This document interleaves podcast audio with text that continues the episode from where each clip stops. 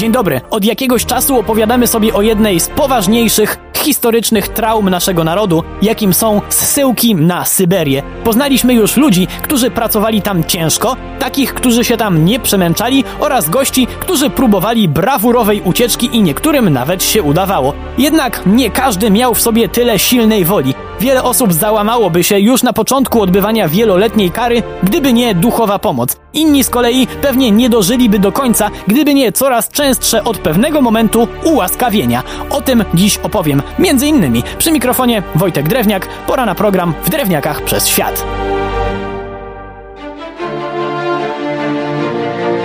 Lwia część polskich zesłańców na Syberię trafiła tam skazana za działalność patriotyczną. To znaczy dla nas patriotyczną, natomiast carskie władze uznawały to za działanie przeciwko państwu rosyjskiemu. Dużą grupę wśród tych skazanych stanowili duchowni, a dla władz nie miało znaczenia, jak wysoki rangą był ów kapłan. Bez żadnej taryfy ulgowej za wykorzystywanie kościołów w głoszeniu haseł patriotycznych, sprzeciwianie się przeciwko pchaniu łap państwa rosyjskiego w administrację kościelną i za próbę uproszenia łaski dla powstańców styczniowych na zsyłkę skazano arcybiskupa warszawskiego Zygmunta Szczęsnego Felińskiego. I to nie na zsyłkę byle jaką, bo do Jarosławia. I zaraz ktoś powie, że to przecież nie Syberia, ano Syberia, bo chodzi o Jarosław nad Wołgą.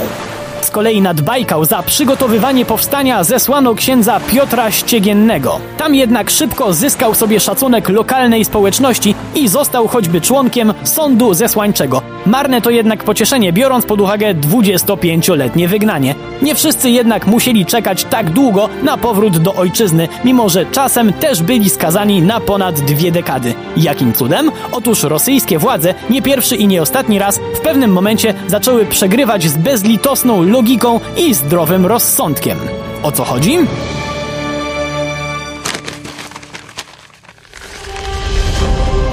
Ano o to, że zwłaszcza po fali zesłań po zakończeniu powstania styczniowego, nawet syberyjski bezkres zaczął się przeludniać. W wyznaczonych miejscach odosobnienia coraz ciężej było upchnąć skazańców, a i pracy, nawet najpodlejszej i najcięższej, nie starczało dla wszystkich.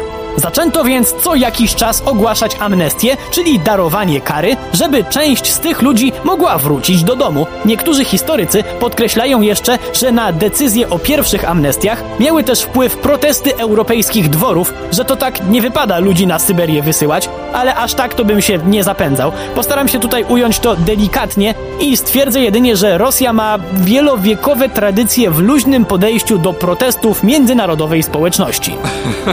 To przeludnienie było główną przyczyną. Oczywiście nie można było tego powiedzieć wprost, więc poszukano jakiejś topornej wymówki. Wybrano srebrne gody panującej pary i cudowne ocalenie cara w czasie próby zamachu w 1866 roku. To był oficjalny powód pierwszej wielkiej fali zwolnień z syberyjskiej katorgi. Kolejne amnestie ogłaszano w sumie co kilka miesięcy, a ostatecznie ukazem z 27 maja 1883 roku postanowiono, że prawie wszyscy Polacy wywiezieni na Sybir za wrogą działalność polityczną mogą wracać do domu. Czy ludzie skorzystali? No pewnie, że tak. Wyjechali prawie wszyscy nasi rodacy z wyjątkiem tych, którzy w międzyczasie założyli jakieś biznesy i wiodło im się nieźle, albo założyli na miejscu rodziny. Reszta ruszyła do domu. Czy w takim razie ów nakaz kończy erę zsyłek w głąb Rosji? Absolutnie nie. Zaczęto tam wysyłać nowych wrogów caratu, czyli głównie działaczy socjalistycznych. W czasie samej rewolucji 1905-1907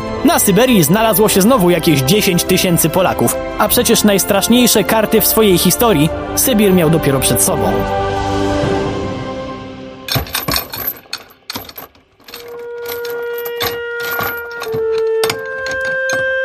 Bo to zsyłani tam wcześniej fani komunizmu zrobili z Syberii prawdziwy postrach, w zasadzie synonim kary śmierci. Stworzona przez nich sieć łagrów, czyli obozów katorżniczej pracy, miała na celu nie tylko odseparowanie ludzi, których władza nie chciała, ale też, zanim umrą z wycieńczenia, wykorzystać ich w kopalniach złota, uranu i przebudowach wielkich komunistycznych projektów. Czy można mówić o tym, że zsyłki za caratu były przyjemne? Absolutnie nie, ale w porównaniu do katorgi w łagrach za Stalina, Było to nieporównywalnie łatwiejsze do przeżycia doświadczenie. Były łagry, w których śmiertelność wynosiła w okolicach 25%.